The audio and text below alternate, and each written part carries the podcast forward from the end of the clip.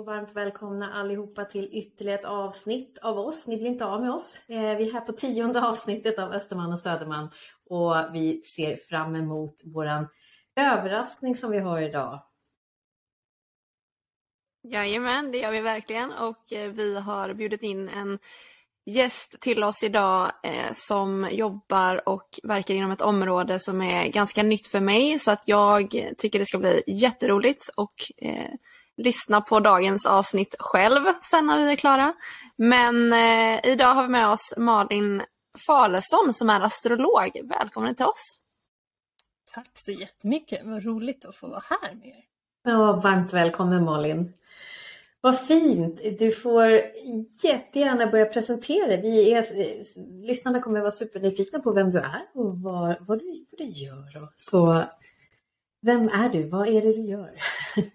Precis, vad gör jag? Ja, men jag, tycker, eh, jag brukar alltid börja med att presentera mig med mina tre tecken för jag är lite yrkesskadad. Så att eh, jag brukar säga att jag har solen i jungfrun, månen i vattumannen och min ascendent eller uppstigande tecken är också jungfrun. Så jag är en väldigt grundad person som har huvudet uppe bland planeterna och gillar att tänka nytt och tänka utanför boxen. Och det är så jag kom in på det här med astrologi också. Att jag alltid har älskat stjärnhimlen och jag har inte riktigt förstått varför jag tycker det är så fascinerande att stå och titta upp på det här oändliga. Mm. Gjorde du det ända sedan du var barn eller? Verkligen. Mm.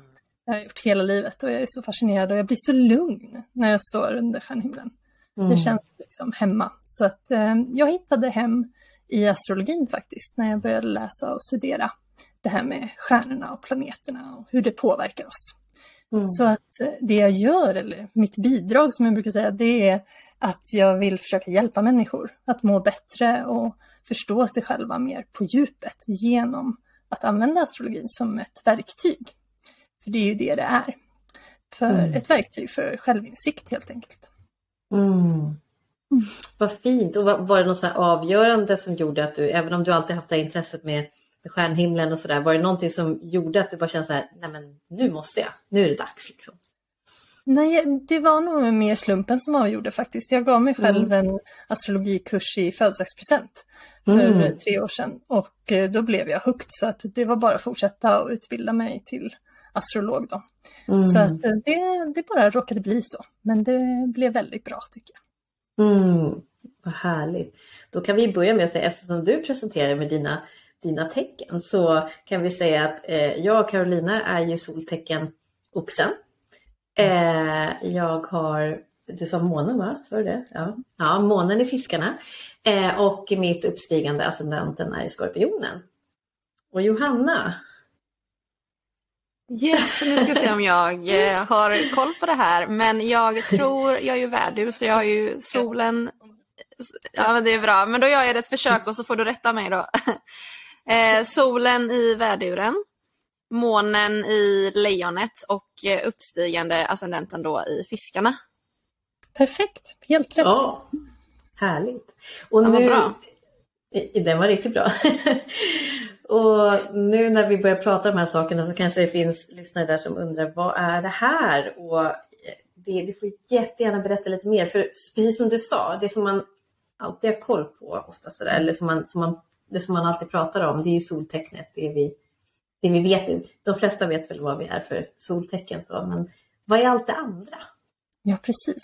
Och det är det som är ganska fascinerande tycker jag, att ännu nu i våran tid så har vi koll på den här uråldriga kunskapen, att alla i västvärlden idag vet fortfarande sitt stjärntecken. Och det är ju då det tecken solen var i när man föddes. Och det är inte så lite, för det är en ganska stor del av ens personlighet. Men det är kanske framförallt ens ego och ens, ja, men, ens identitet, hur man, hur man presenterar sig så utåt sett. Medan måntecknet är ju jätteviktigt, precis lika viktigt som soltecknet, för det är hur du fungerar på insidan. Dina känslor och din inre värld. Och också hur du agerar i relation till andra. Så att i nära relationer så är nästan måntecknet viktigare att titta på än soltecknet. Och sen har vi då det uppstigande tecknet också som är den tredje, det tredje benet som gör dig till den unika personen du är. Och det är mer lite hur andra ser dig kan man säga. Men det är också, eftersom jag jobbar mycket med esoterisk astrologi, så är det lite dörren till din själ brukar jag säga. Lite mm. det tecken som du ska sträva mot och bli mer som. För det är där mm. din utveckling ligger. Och där du kan liksom bli ditt bästa jag kan man säga. Mm. Och uppstigande, det kallas även för ascendenten om det är någon som kanske känner igen det men inte riktigt vet vad det är. Det var, det var faktiskt nytt för mig när du, eh, när du sa det nu med uppstigande. Jag har alltid hört det som ascendenten så det kan vara bra att nämna båda. Ja men vad spännande, vad härligt. Jag tänker um, lite grann de som lyssnar just nu. Eh, och de kan, det finns någon som kanske är skytt som lyssnar där ute och vet om såklart att de är skytt för att man vet om sitt eget stjärntecken. Men det här, ja, hur vet jag vad jag har min måne och min sol och hur ska jag ta reda på detta? Eh, finns det säkert någon som undrar som också vill kanske bilda sig själv och lära känna sig själv lite grann inom astrologin och också då eh, gå någon slags självkännedomskurs hos dig om, om du ska coacha inom astrologin. Men hur får man reda på detta? Det är jätteenkelt faktiskt. Då går man bara till en sida som heter www.astro.com och där kan man knappa in sin födelsedata och då vill man ju ha både datum och årtal och allt det där. Men även tiden är jätteviktig i astrologi för att då få fram det här uppstigande tecknet eller ascendenten. Och så vilken plats på planeten du är född. Så det kan man göra, då knappar man in det själv där så kommer det kommer det fram, då får man en sån här jättefin astrokarta som jag tycker är så spännande att titta på och det kanske kan verka vara rena grekiskan först, men det mm -hmm. står... Det säger jag. Soltecken och måntecken och allt det där. Mm. Men om man inte har sin mm. tid, för jag vet att du ändå kan eller att man ändå kan läsa av, men vad är det man, man förlorar? Vad är det man kan med säkerhet se om man inte har tiden men man har datumet och platsen och sådär? Vad är det mm. man inte kan se? Det är ascendenten, va? eller? Ja, ascendenten och husen. Och husen är också ganska viktiga, för det är därför, om vi pratar om skytten nu till exempel, då, eftersom vi är i skyttens säsong, om man vet att man är skytt så kanske man inte känner igen sig när man träffar någon annan skytt, för den är inte alls som en själv. Och det är ju för att 50% av din personlighet ligger i vilket hus solen ligger i för just dig då. Så att då måste man veta de här den här tidpunkten för att få fram de astrologiska husen. Och då ser man liksom att man är kanske 50% skytt och 50 oxe till exempel. Då blir det en mm. annan blandning än någon annan som har ett annat hus då. Och de där husen hör man ju väldigt mycket inom astrologi och jag har aldrig riktigt fått någon kläm på det. Vad, om man ska förklara det på ett enkelt sätt, vad är det här med alla, alla husen i astrologi? Det är ju lite överkurs så man behöver inte ha koll på det. Men det är liksom det livsområde som påverkas eh, mest då i din karta. Så att det hus som solen landar i, alltså solhuset, det är ditt viktigaste astrologiska hus. För att det är liksom 50 procent av din identitet. Det är där du liksom kanske skiner som mest, där du kommer fram på bästa sätt i just det området då, i livet. Mm som det huset handlar om. För alla hus har olika inriktning. Ett hus är familjehuset, ett annat är relationshuset, ett är karriären och arbete och mening och sånt där. Så att det mm. finns liksom olika områden som, som de här husen berör då. Och jag som är lite nördig med relationer som ni vet eftersom jag jobbar med det. Är det tolfte eller trettonde huset som är relationer? Ja, det trettonde huset var spännande. Det har jag aldrig sett. Det finns tolv. Nej, totalt. det finns tolv. ja, då var... Jag tänkte att det kanske var så 15 fick jag för mig. Nej, det var spännande. Ja, men det uppfann jag ett trettonde nu. Nej, men det är tolv va? Är det? Nej, det är Nej. romantik. Det är mycket Aha, så, liksom själslig kontakt, så det gillar jag. Mm. Men eh, mm. det är det sjunde huset som är, det är det sjunde huset. Partnerskap och äktenskap och liksom så här, ah. långsiktiga par, parrelationer. Här har jag mycket att lära. Ja, men jag tycker att det är så spännande, men där hade jag, där hade jag missat. Mm. Men det är ju så, det kan verka jag väldigt komplicerat. Det behöver inte vara det. Man kan göra det enkelt också. Mm. Mm. Vad sa du Johanna? Jag satt och tänkte på det innan vi går in och pratar liksom om element och eh, energier och allt det här så eh, vill jag bara ge dig Malin lite utrymme att förklara först.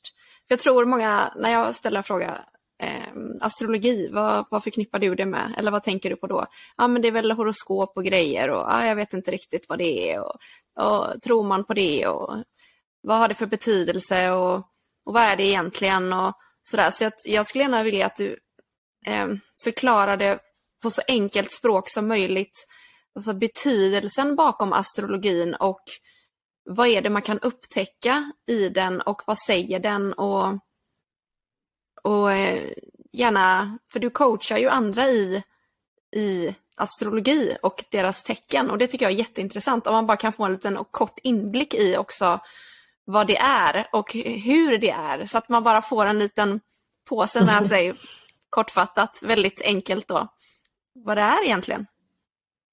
Absolut. Och då skulle jag säga kortfattat så är det liksom kartan till dig själv, till ditt liv. Alltså den här astrokartan som du får fram, där står ju allting som du behöver veta. Där ser vi vilka gåvor du har, vad du har lätt för, vad som är dina superkrafter, men också dina svårigheter och utmaningar och lite vad du är här för att jobba på. Så att jag då som astrolog kan ju se allt det här och då blir ju det en väldigt fin bekräftelse som jag kan ge till personerna som jag jobbar med genom astrologin då att du är perfekt precis som du är. Alltså det är en anledning till att du är som du är. Och jag kan också hjälpa den här personen förhoppningsvis då att eh, ja, men, klara av livet lite bättre och förstå lite mer varför det är som det är och varför man kanske inte riktigt passar in i, i mallen. För jag tycker det är lite tråkigt det här med att vara normal. Det är ett konstigt ord tycker jag.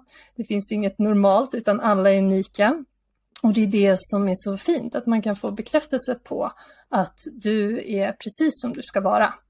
Och få lite förklaringar till varför man, är, varför man agerar som man gör och varför man har de, de utmaningar som man har. Mm. Det mm. måste jag säga, för jag hade ju en fantastisk reading med dig i, i våras någon gång var det, eh, Malin. Och det var så fantastiskt. Alltså, för det första kändes det att, att det var okej att vara den man är. så, för att du kunde se och bekräfta så mycket som kanske man själv har, som jag kände att jag hade så kämpat lite med, min extrema känslighet och sådär. Eh, där jag alltid har fått höra att, men gud var inte så känslig. Fast det har jag någonstans ändå accepterat. Men det var så skönt också när, det bara, när du kunde se det, du är ju jättekänslig. Så bara, ja det är jag. Nej, men sen verkligen också bli sedd och förstådd. Men sen så också så häftiga saker som kom upp. Eh, hur otroligt mycket man kan se. Mm. Eh, och det, det, gav mig verkligen en sån ja, otroligt djupare förståelse för mig själv och mera liksom, kärlek och ödmjukhet för mig själv också faktiskt. Mm. Och, och sen så när jag har börjat utforska och titta lite grann på dem jag har nära och kära sådär, det lilla jag kan sådär. Och så, ja men det är därför, det är därför han eller hon är sådär. Och som du säger, det blir en otrolig förståelse. Det är superfint faktiskt. Mm. Mm. Och det är det som är det bästa tänker jag, att man behöver inte försöka vara något man inte är. Utan det jag vill göra är ju att jag jobbar ju mycket med empowering, alltså att du ska känna att du, eh, du är precis som du ska vara och du har alla svaren själv. Att du behöver inte fråga någon annan heller om vad du ska göra och så. Därför jobbar inte jag så mycket med att liksom förutspå händelser och sånt, utan det är mer att saker går i cykler. Astrologi handlar jättemycket om timing. Så ibland är det så att det är vissa saker som händer av en anledning just nu, att man har kanske lite mer utmaningar och sånt. Men eh, det som är viktigt är ju att du har allt du behöver. Och du mm. vet vad du ska göra. Du behöver liksom inte något mer än egentligen bara en bekräftelse på det. Att du, du vet vart du ska och du gör rätt saker. Så det tycker jag astrologin är jättefin på, att ge folk den här tillåtelsen. Att mm. Eh, vara dig själv och förstå dig själv. Tänk om alla, all, ja, och tänk om alla hade koll på varandras charts. Liksom. Då skulle, så här, då skulle vi inte ha någon då skulle vi ha fred på jorden tänker jag. Man ska alltså förstå sig för varandra. Nej, men jag, I en drömvärld. Nej, men det är lättare att vara ödmjuk liksom, mot sig själv och även förstå andra på ett djupare sätt, precis som du säger. Absolut, för vi är ju alla olika och det kanske är en person till exempel som har jättemycket eld och då behöver den få ta mycket plats och vara högljudd och så. Och då kan mm. man ha lite mer förståelse för det, att den är kanske inte som jag utan den är tvärt emot. och då kan man låta personer också vara som de är utan att försöka förändra dem och mm. få dem att passa in i den här mallen. Exakt, och nu sa du någonting som jag tror att vi automatiskt kommer glida in på då, för du sa eld. Och då kommer vi automatiskt in på elementen. Så ja. berätta gärna lite mer om det. Men elementen, de fyra elementen, eld, jord, luft och vatten, är grunden i astrologin. Så det är liksom de enklaste beståndsdelarna och det enda man egentligen behöver veta. För det säger ganska mycket om en person, för man har alltid ett eller två dominanta element som man har mycket av, som visar sig också mycket när man agerar med andra. Och sen har man alltid ett eller två saknade element som eh, man inte har så mycket av. Och de här fyra elementen är egentligen som hjulen på en bil. Så jag brukar säga att man ska ha lika mycket av alla element för att få mer balans och kunna köra den här bilen lite lättare på livets väg. Mm. Så att det gäller att man jobbar på de här då, så att man hittar en bra balans. Eh, för det vet vi ju alla, att har du punktering på bilen så är det inte så lätt att köra någonstans. Nej. Så att eh, man behöver tänka på det här. Men det som är spännande är ju att se då vad man har för eh, dominant element, vad man känner igen sig i. Jag tänker mm. jag kan gå igenom elementen lite så kan säkert folk, Jättegärna. utan att veta något mer om astrologi, så kan man ändå kanske känna igen sig lite mm, i vilka element man har. Mm. Mycket av. Så om vi börjar med eldelementet så är ju det eh, energi, det är liksom det snabbaste elementet som har mycket drivkraft, mycket passion, mycket, det finns mycket känslor där också, men det kan ju i värsta fall då bli lite mer aggression. Det finns alltid också två sidor av varje element, så det kan vara i en hälsosam version eller en kanske lite mindre hälsosam variation. Och då är, när det är obalanserat så blir det lite temperament och lite, lite ilska så. Men ett hälsosamt eldelement är ju väldigt glatt och väldigt positivt och har mycket energi och vill saker. Det vill liksom att det ska hända någonting hela tiden. Mm. Så det är elden och den är fantastisk när det brinner. Ni kan ju tänka er själv, eld är ju aldrig ljummen. Den är ju alltid dödhet eller så är den släckt. Mm. Så att elden är det första snabba elementet. Sen har vi jordelementet som är lite långsammare, lite mer introvert är det också då, medan elden är mer extrovert.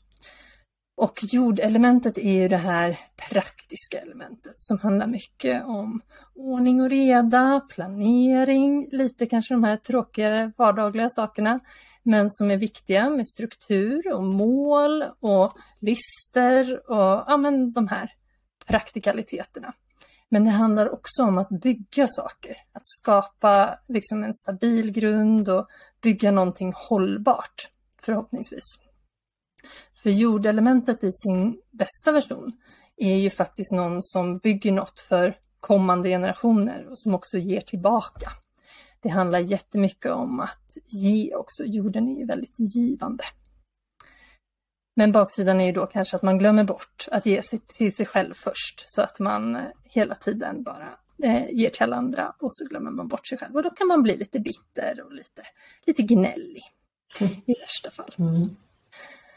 Och sen har vi luftelementet som också är mer extrovert och snabbare element. Och luft handlar jättemycket om kommunikation och relationer.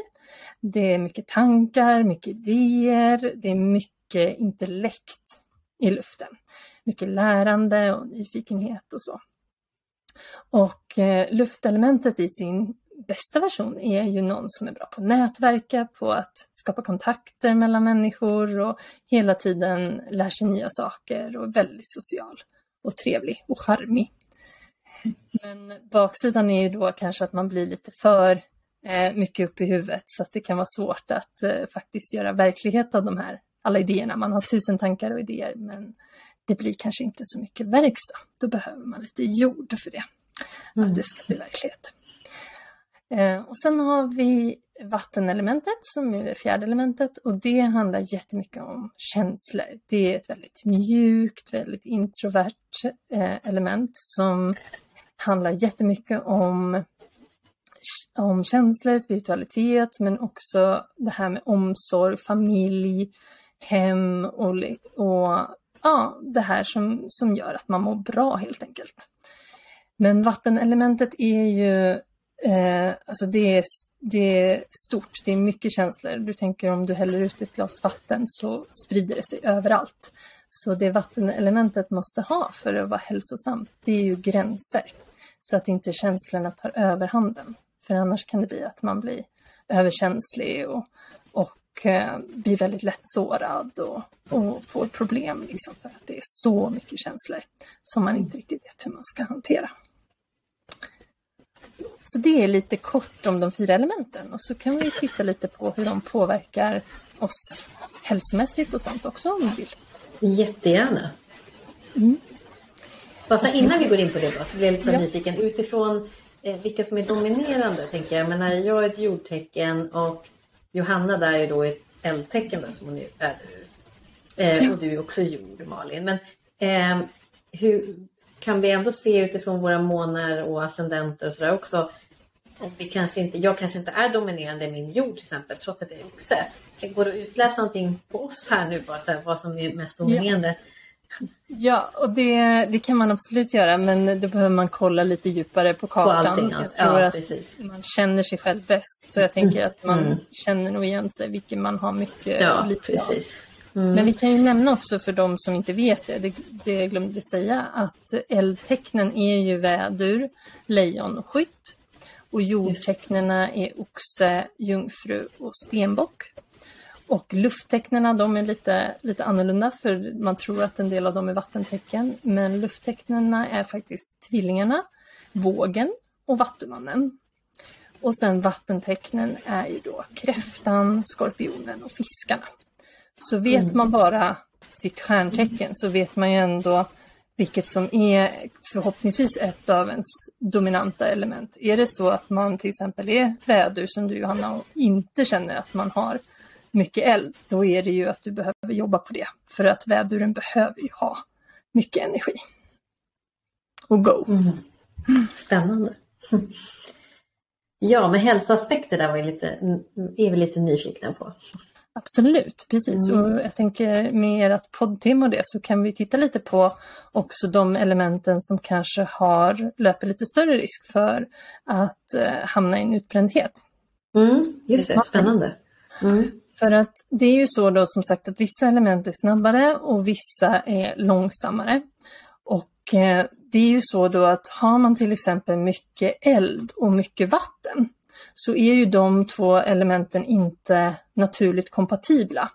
Då blir det lätt att det blir liksom mycket höga toppar och djupa dalar. Och eh, det gör ju också då att man kanske måste tyvärr krascha ibland för att liksom kunna balansera det här. Det är inte så enkelt med de här extrema. Eld och vatten är väl de två mest olika elementen. För att om du tillför eld till vattnet så kokar vattnet och försvinner. Och om du eh, häller vatten på elden så släcks den. Så att de är mm. ganska svåra att blanda och få till en bra balans där. Mm. Och det gör ju också att eh, har man då för mycket eld och vatten eller bara för mycket eld också så kan det bli lite så att man, ja, det, det kan bli stagnation om man inte får den här balansen att eh, det blir lite att man, ja, men man kör, kör slut på sig själv och hamnar tyvärr då också lätt i någon form av depression. Att de här djupa dalarna kanske är lite svåra att komma ur. Mm. Med, om man har mycket eld och vatten. Men mm. det, det, man kan göra ändå är ju också att försöka liksom hitta den här uh, gyllene medelvägen. Och då handlar det jättemycket om gränssättning. För att mm. vattnet är ju jätteempatiskt och känner allting och elden har ju också mycket känslor men har ju faktiskt också lite lättare att säga nej i bästa fall. Mm. Så att då kan man använda den här elden för att liksom ringa in vattnet så att det blir, blir en bra balans så att man faktiskt får lite, lite rörelse framåt. Mm. och hitta lite det där ljuset ut i mörkret också. Så att eh, det Om går. Om det ska bli lite, för jag... Mm. Eh, om vi ska bli lite personliga här då, för jag känner mig ju väldigt träffad när du pratar om vattnet och elden. Eh, och eh, att jag har det mycket i mig och att det är nat liksom, nat alltså, de är inte kompatibla med varandra på ett naturligt sätt helt enkelt. Så jag känner igen mig väldigt mycket i det där att eh, det kan gå upp och ner och jag har hört det liksom att du måste hitta balans, du kör all in eller ingenting. Och, eh, och det är jag fullt medveten om, men det är verkligen min utmaning att leva balanserat ännu mer. Eh, och Mm. det som du säger där då som man kan tänka på eh, för att må lite bättre i det här är just att sätta gränser. Och det, där är jag nu i mitt liv där jag tränar på det väldigt mycket och gjort det senaste året. Och det känner jag verkligen i hjärtat är ehm, en av nycklarna för att jag ska må så bra som möjligt och kunna hantera vem jag är på ett så bra sätt som möjligt. Men så, så då vill jag också passa på att fråga liksom, gränssättning, finns det någonting mer där som nu blir det här ett öppet eh, coachingsamtal för allmänheten, men finns det någonting mer där som du tycker, vi har inte tittat på min karta så jättemycket du och jag, men rent spontant så, finns det någonting mer som du vill säga som du tycker jag ska tänka på? Absolut, alltså gränser är superviktigt som du sa, det är liksom nummer ett tänker jag. Men det handlar också jättemycket om faktiskt det som du ju gör Johanna, det du jobbar med. Det är ju att vatten och eld de förenas också i svett. Alltså du måste svettas, mm. du måste komma ut på något sätt. Allt den här liksom känslorna och det här djupet måste komma ut. Antingen genom blood, sweat and tears, nej men det, det är lite så. Att mm. det, det är liksom mm. det som gäller för att få de här två elementen hälsosamma. Så måste man ha tydliga gränser men också se till att röra på kroppen. Att få den här rörelsen för att komma ur det här djupet som vattnet har. Mm. Så det är mm. jätteviktigt. Svettas och gråta. Och det som är så... Mm. Det, det, som är så intressant här också det är att allt hänger ju verkligen ihop och det här med självkännedom och närvaro och um, att lyssna inåt och liksom allt det här stämmer ju verkligen så återkommande hela tiden. Absolut, mm. för du har ju alla svaren du behöver inom dig så att du känner ju vad som är rätt för dig. Det enda tipset jag brukar ge också till personer med mycket vatten och eld det är att eh, man måste känna, alltså det är lätt också att springa ifrån känslorna för att det är jobbigt att känna. Så att ibland behöver man känna efter om det är dina känslor som du känner eller om det är någon annans. För har man mycket vatten och dåliga gränser, då är det lätt att man fångar upp mycket från alla andra. Så då kanske du har haft en jobbig dag på jobbet, du kommer hem och så är du jätteledsen och du vet inte varför jag är ledsen egentligen. Då kan det vara att du har plockat upp någon annans eh, sorg eller, eller så. Och är det någon annans känslor, då behöver man svettas ut dem. Då behöver man röra på sig skaka, för att skaka av dem. Medan är det dina känslor, är det du som är ledsen på riktigt, då behöver du använda dem. Alltså du behöver sitta med känslorna och liksom låta tårarna komma. Så att det är lite viktigt också att skilja på det där, om det är dina känslor, känslor eller andras. Men det är ju, har man bra gränser så, så har man inte det problemet att man plockar upp andras så mycket. Men då blir jag genast lite så intresserad för att, eh, tack för bra förklaring ska jag säga. Eh, men då tänker jag så här, för till mig sa du så här, du tycker inte om att svettas sa du. Men samtidigt så förstår jag att jag måste gråta mycket. Mm. Eh, och att jag skulle vara mycket i vatten. Mm. Så för är det det att man motstår? Jord, jord och mm. vatten Carolina, det är den mm. kombinationen du har.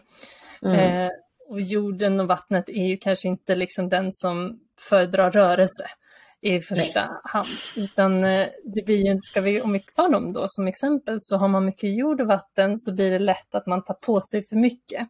Att man känner lite liksom så här hela världens tyngd på sina axlar. För att de här är ju egentligen doers. Alltså jord och vatten tillsammans, det är ju det som bildar en bra grogrund där någonting kan växa. Så att har man mycket jord och vatten så är man bra på att skapa saker och ta hand om andra och liksom väldigt så omtänksam. Men det problemet är ju då att man kanske också har lite det här att man får, man fastnar. Att det blir lite så här som att hjulen bara snurrar i leran. Man kommer ingen vart för man har så höga krav och man vill så mycket men det är liksom svårt. Och man kanske till och med måste liksom bli fysiskt sjuk ibland, särskilt om man har mycket jord bara. Då mm. behöver man liksom att kroppen går sönder för att man faktiskt ska stanna upp och sluta göra och vara mer istället. Okej. Mm. Tack för förklaringen. Eh, mm. och då blir jag också så nyfiken nu, liksom, kan man se utifrån ens så här liksom, chart då, om man liksom ska om man passar bättre. Nu sa du till Johanna att hon behöver svettas och sådär. Kan man se så här, men du passar bättre för yoga eller du... Mm. Alltså så här, det går att läsa ut sånt. Mm. Absolut, och då behöver man kanske kunna lite mer. Det är en särskild planet jag tittar på just när det gäller träning och, och fysisk aktivitet, vad man mm. trivs med. Men mm. absolut ser man det, vad man tycker om och vad man föredrar. Men också så är det ju så att ibland måste man utmana sig själv. Att man mm. måste liksom gå ur sin trygghetszon, för det är ju där man, utvecklingen sker och det är där man växer. Så jag brukar försöka att eh, pusha mina klienter lite grann, lite mot den här kanten, inte över kanten, men mm. fram till kanten så att de liksom ändå eh, har en chans att ja, men, utvecklas och lära sig något nytt. Mm. Vad härligt, vad spännande. Någonting som vi skulle kunna börja med, Carolina, det är ju, mm. och du får också hänga med Malin om du vill, Nej, men det är ju att vi har någon stund på morgonen där vi sätter på Zoom eller Facetime och kör lite rörlighetsträning tillsammans så man får bara liksom använda kroppen och röra på sig och sträcka ut sig för man mår jättebra utav det och det kan räcka faktiskt. Mm. Så det kan ju vara en bra mm. start. Mm. Verkligen. Mm. Härligt initiativ ja. tycker jag. Vi har ju sagt det tidigare på att du har ju sagt Johanna att du ska släppa med mig till gymmet så ska vi köra, lägga upp det på Youtube-kanalen. Så att jag kommer inte undan tror jag. Mm. Rörlighetsträning på morgonen är en bra början. Ja, eller hur. Malin, vi vet ju att du sitter och håller på någonting super, super spännande som vi är så nyfikna på att få höra mer om. Vi vet ju att du har sagt och det tycker jag är, jag hedrar dig för det, att man kan inte liksom eh, berätta om vad som kommer att hända, man kan inte skriva någonting i sten och sådär, men man kan utläsa en del utifrån vad man ser hur planeterna står inför nästa år. Mm. Så en liten sådär energirapport 2023 i stora drag. Inte så här, in på detalj, men så här, stora drag. Vi är supernyfikna. Vad, mm. vad tror vi att vi har att förvänta oss nästa år? Ja, absolut. Det kommer bli ett spännande år kan vi säga. Men vi kan ju börja med att titta bara lite bakåt och göra lite bokslut så var ju 2022 mm. ett ganska intensivt år astrologiskt med oh, ja. lite, lite sådär en virvelvind av känslor och många kanske har fått göra lite avslut på vissa saker. Det har varit säkert både vinster och nederlag. För det har varit ett år då det mycket saker har ställts på sin spets. Och anledningen till det är ju förhoppningsvis att vi ska lära oss något av historien och kanske göra oss av med lite, lite tungt bagage nu då inför det nya året. Och jag vill också bara passa på att eh, tipsa om att vi har en jättebra nymåne dagen innan julafton här den 23 december i stenbockens tecken. Och det är den perfekta nymånen egentligen för att sätta intentioner för nästa år. Så vänta inte för länge med nyårslöftena utan jag tycker att man ska börja planera inför nästa år redan den 23. För nymånen är ju en jättebra tid att eh, sätta intentioner och så frön för att då kan man få skörda dem eh, vid fullmånen sex månader senare i samma tecken. Det där är intressant att det tar sex månader, för ofta så tror man att det händer liksom rätt snabbt, men det är ja. sex månader då. Intressant. Och fullmåne, då släpper man taget? Då, mm. då är ju månen som störst och så är det mycket energi, många har svårt att sova vid fullmåne till exempel. Det sker också statistiskt sett fler olyckor och, och dödsfall och sådana där grejer vid fullmånen för att det är mm. lite mer energi i rörelse, mer dragningskraft. Föds fler mm. barn också har jag hört? Va? Absolut, det mm. sätts igång fler eh, mm. födslar och sånt också. Mm. Så den är, då kulminerar ju energin och sen eh, trappar den ju av efter fullmånen då tills nymånen där den är som minst egentligen, då ser vi inte ens månen utan himlen är helt svart. Mm. Så att det är ett bra tips att börja med den nymånen där. Och sen... 23 december när alla sitter och slår in klapparna i sista minuten och sitter med uppe i sitta kvällen, då får man ta fram papper och penna och skriva ner sina önskningar. Ja, precis. precis. Mm. Och det är ju det, är ju det som, är, som är grejen, att det, det sker ju inte alltid precis när vi vill, utan det här går, astrologin är ju så att det handlar om, om timing, så att då är det, då är det en bra nymåne för det. Och sen då 2023 så blir det ju faktiskt ett år som har lite, jag försökte sätta ett tema på det och jag tänker att det mycket, handlar mycket om förändring och flexibilitet. Och det är ju för att det är lite tid nu att vi måste faktiskt förändras på djupet och liksom lära oss av historien och göra om och göra rätt kanske. Men också mm. behöver vi vara lite mer flexibla när världen eller omgivningen inte riktigt reagerar som vi tänkt. Och vi har ju alla redan känt av det här att världen är lite orolig just nu, mm. att det är mycket som händer runt omkring oss. Och då mm. tänker jag att det är extra viktigt att man faktiskt hittar sin egen stabilitet och grundtrygghet så att man står stadigt i stormens öga. Liksom. Att man inte sveps med av det här utan att man faktiskt hittar lugnet där. Mm. Och då gäller det ju att vara flexibel och kunna ja, men anpassa sig helt enkelt. För 2023 eh, är ju ett år som lovar mycket utveckling kan vi säga också. Det handlar mycket om det, att eh, förändras och utvecklas. Och om du är redo då att möta de här utmaningarna så kan du också växa mycket. För det är ju tyvärr så att det är ju bara genom utmaningar som vi växer och blir starkare. Mm. När allting är lugnt och skönt så sker det egentligen ingen utveckling. Utan bara... Så oj vad vi har vuxit i år då, med andra ord. Ja, ja. Har, ni, ja. har ni orkat med det? Mm. Mm. Så att eh, det är väl det som är liksom temat för året. Men i början på året så börjar det lite mer försiktigt med fortfarande kanske en del hinder på vägen. Men vi får ändå lite mer energi mot slutet av januari. Och lite mer också handlingskraft, att vi faktiskt kan börja agera lite mer på våra planer och så. Men sen kommer de stora förändringarna framförallt mellan mars och maj, för då är det flera planeter som byter tecken. Det är det man tittar på då astrologiskt och det handlar egentligen om att det blir stora skiften när de här planeterna flyttar sig. Och då tvingas vi tänka om och tänka nytt när saker inte alltid blir som, som det är tänkt. Mm. Och det börjar väl egentligen i mars. I början på mars så är det planeten Saturnus som byter tecken och flyttar in i fiskarna. Vi har haft den i Vattumannen nu i drygt två och ett halvt år ungefär. Och när den går in i fiskarna istället så kommer vi alla att få lära oss lite skillnaden mellan fantasi och verklighet. Och också jobba mer med våra känslor och lyssna på vår intuition.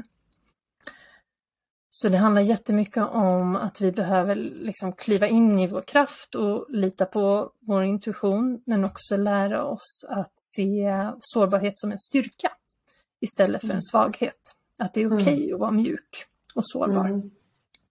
Mm. Men baksidan är ju då, det finns ju alltid en sån tyvärr, att eh, det kan bli så mycket känslor att det blir lite överväldigande. Och mm. att man då istället försöker undvika de här känslorna och kanske fly dem på olika sätt genom att distrahera sig med annat eller så. Och därför är det ju viktigt, återigen det här som vi pratade om med, med dig Johanna, är ju det här med att ha tydliga gränser. Och också så måste vi våga möta våra blind spots, alltså det som vi inte riktigt ser.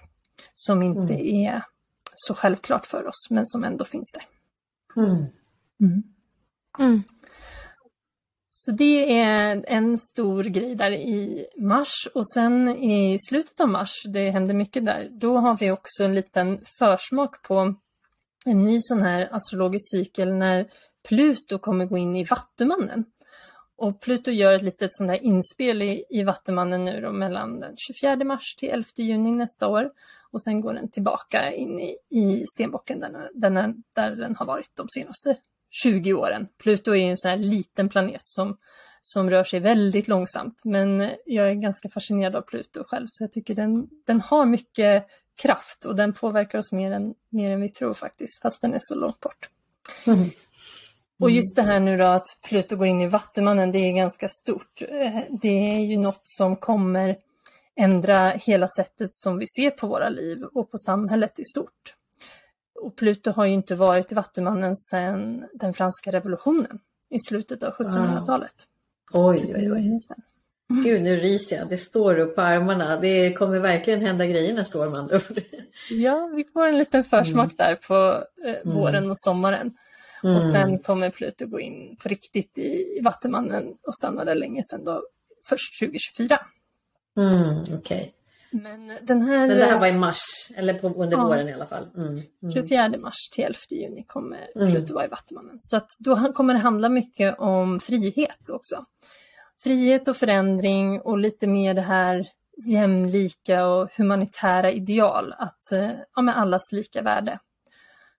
Men sen handlar också Vattumannen mycket om teknik, så det är även lite det här om hur teknologin påverkar oss och också hur vi kan minska orättvisor genom att göra omfördelning av resurser. Och det märker vi ju redan nu kanske lite med det här med ekonomin och sådana mm. Såna saker.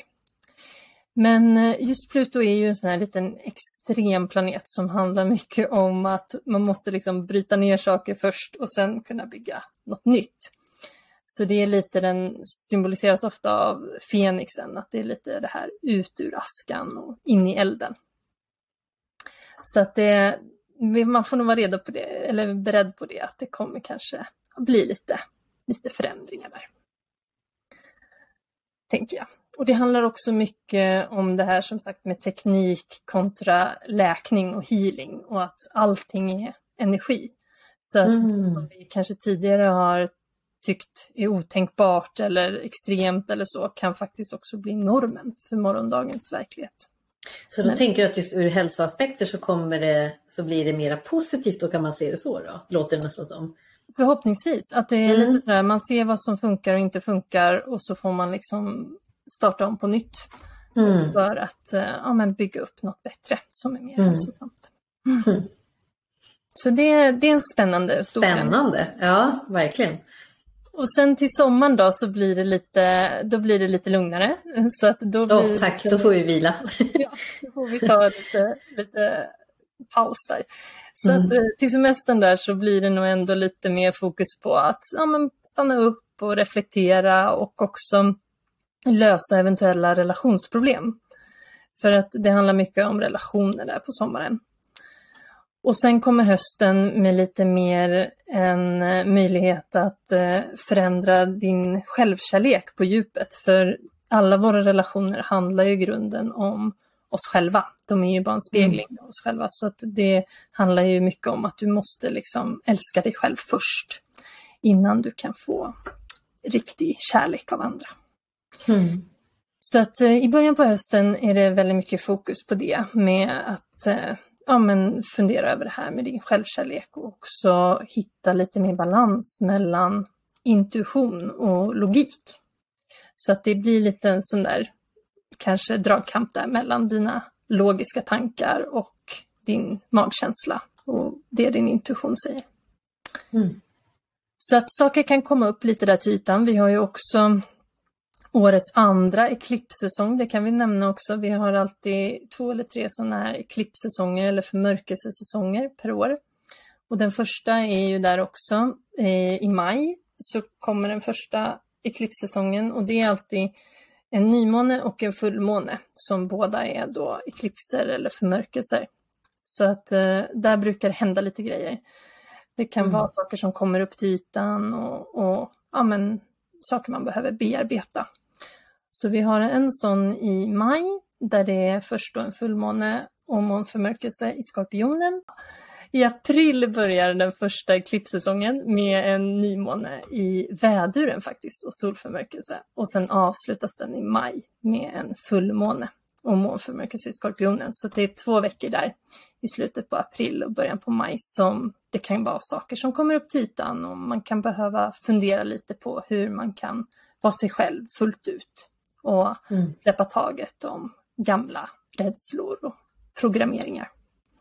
Mm.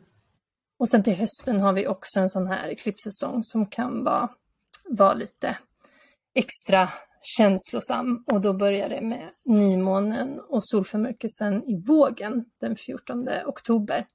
Och den handlar mycket om det här med självkärlek då och sätta intentioner för dina nära relationer. Och sen avslutas den med fullmånen och månförmörkelsen i oxen i slutet på oktober. Och det handlar mycket om att släppa taget om det som hindrar dig från att bygga en ny verklighet. Mm. Så att de här klippsäsongerna är lite speciella och kommer ofta med, med saker som kommer upp till ytan som man behöver titta på. Mm. Och sen på slutet av året så blir det eh, lite lugnare då, tack och lov, med tack. lite mer fokus på glädje där runt, runt högtiderna i december. Och sen också att man har lite chans där med de sista eh, astrologiska händelserna på året att faktiskt släppa taget om det gamla och ut med det gamla och in med något nytt. Mm. Så det är väl året i, i korthet, men eh, de stora händelserna blir där på våren och sommaren tänker jag. Otroligt spännande måste jag säga. Det, det känns som ett händelserikt år där vi kommer fortsätta växa men vi får vila lite grann i alla fall. Det ser vi fram emot. Vi får lite andningspauser emellan. Där. Mm. Ja. Men spännande det där med franska revolutionen tycker jag att det inte har varit så sedan franska revolutionen. Mm. Det ska bli mycket spännande att se mm. eh, vad som kommer hända. Mm. Eh, ja, att det kommer kännas, det, det, så verkar det i alla fall. Ja, men det ja. handlar mycket om det här också att mer, mer makt till folket. Att det är liksom det är lite det här med maktskiften och sånt som mm. kan på tapeten. Wow, vad spännande. Superspännande. Ja, det ser vi fram emot. Ja, vi är otroligt, jag vet att jag kan tala för dig också tror jag Johanna, du ska självklart få prata själv, men att vi är otroligt tacksamma att ha haft dig här idag Malin. Men jätteroligt Verkligen. att jag fick vara här. Det är superfint det att ha dig här. Ja, det känns väldigt kul. Det är så mycket nytt för mig också och det som var, du satt och beskrev året som kommer så eh, var det så kul för att du beskrev precis mitt 2022. Det, alltså verkligen så som det har varit. Så det känns mm. lite kusligt. Men... Eh, Får du uppleva det igen? Och, Ja, det hoppas jag inte. Nej. För att vissa saker är ju säsongsbaserat, så det är ju som att vi har ju vissa säsonger på året när det är vädursens säsong eller när det är vågens eller så. Så att vissa saker är ju lite återkommande år till år. Liksom så. Men eh, mm. ja, det är ju så, vi påverkas alla olika också av de här astrologiska händelserna. Så vill man mm. göra det riktigt personligt så måste man titta på sin egen astrokarta och vilka saker som aktiveras där för just mm. dig. Men det tycker jag är så intressant för jag vet att du och jag pratade i somras Malin, eh, då sa jag så här, ja men nu kommer vi in i, i kräftans säsong så du, och då kommer det bli mycket mer fokus på familjen. Så här, då tänkte jag så här, ja just det, för det är då under kräftan, för det är då som de flesta semester. Ja men det är logiskt. Och sen tänkte jag nu så här, ja, men stenbocken är väldigt fokuserad på på pengar. Ja, det är klart att, att det är januari efter alla helgerna när folk har dåligt med pengar och att jungfrun som är så liksom om jag vill ha liksom struktur, ordning och reda, att det kommer där i september efter semestern och vill man ta tag i, det där tycker jag är så häftigt, eh, att det inte finns någon slump där utan att det är verkligen, man kan se de här cyklerna. Mm. Häftigt. Mm. Ja, verkligen jättetack för din tid idag Malin. Och eh, var hittar man dig någonstans för de som är nyfikna? Mig hittar man eh, mest på Instagram. Eh, där heter jag Inbalance Astrology, en av mina sidor där. Och där skriver jag lite så astrologiska eh, rapporter och insikter, så vad som händer, vilka, vilka planeter som flyttar sig och så. Men det är på engelska. Sen har jag även tillsammans med en kollega håller vi kurser också på astrofilia.se. Mm. Där kan man också hitta mig på svenska. Spännande. Vad härligt, men då kommer vi göra så. Vi kommer också skriva eh, i texten här till poddavsnittet var man kan hitta dig också. Så lägger vi in din, din Instagram och så där så alla nyfikna kan gå in och, och få reda på lite mer. Härligt. Vad fint! Tack för idag! Vi säger tack och hej då och på återhörande förmodligen. Vi kommer säkert ta in dig igen. Jag kommer gärna tillbaka och prata mer astrologi. Jag tycker alla ska lära sig lite astrologi, för det har man nytta av. Eller hur? Mm. Ja, jag tänker arbetsplatser och relationer överallt och sådär. Ja. ja, men vad härligt. Tack och hej säger vi. Tack så mycket. Hej då. hej då.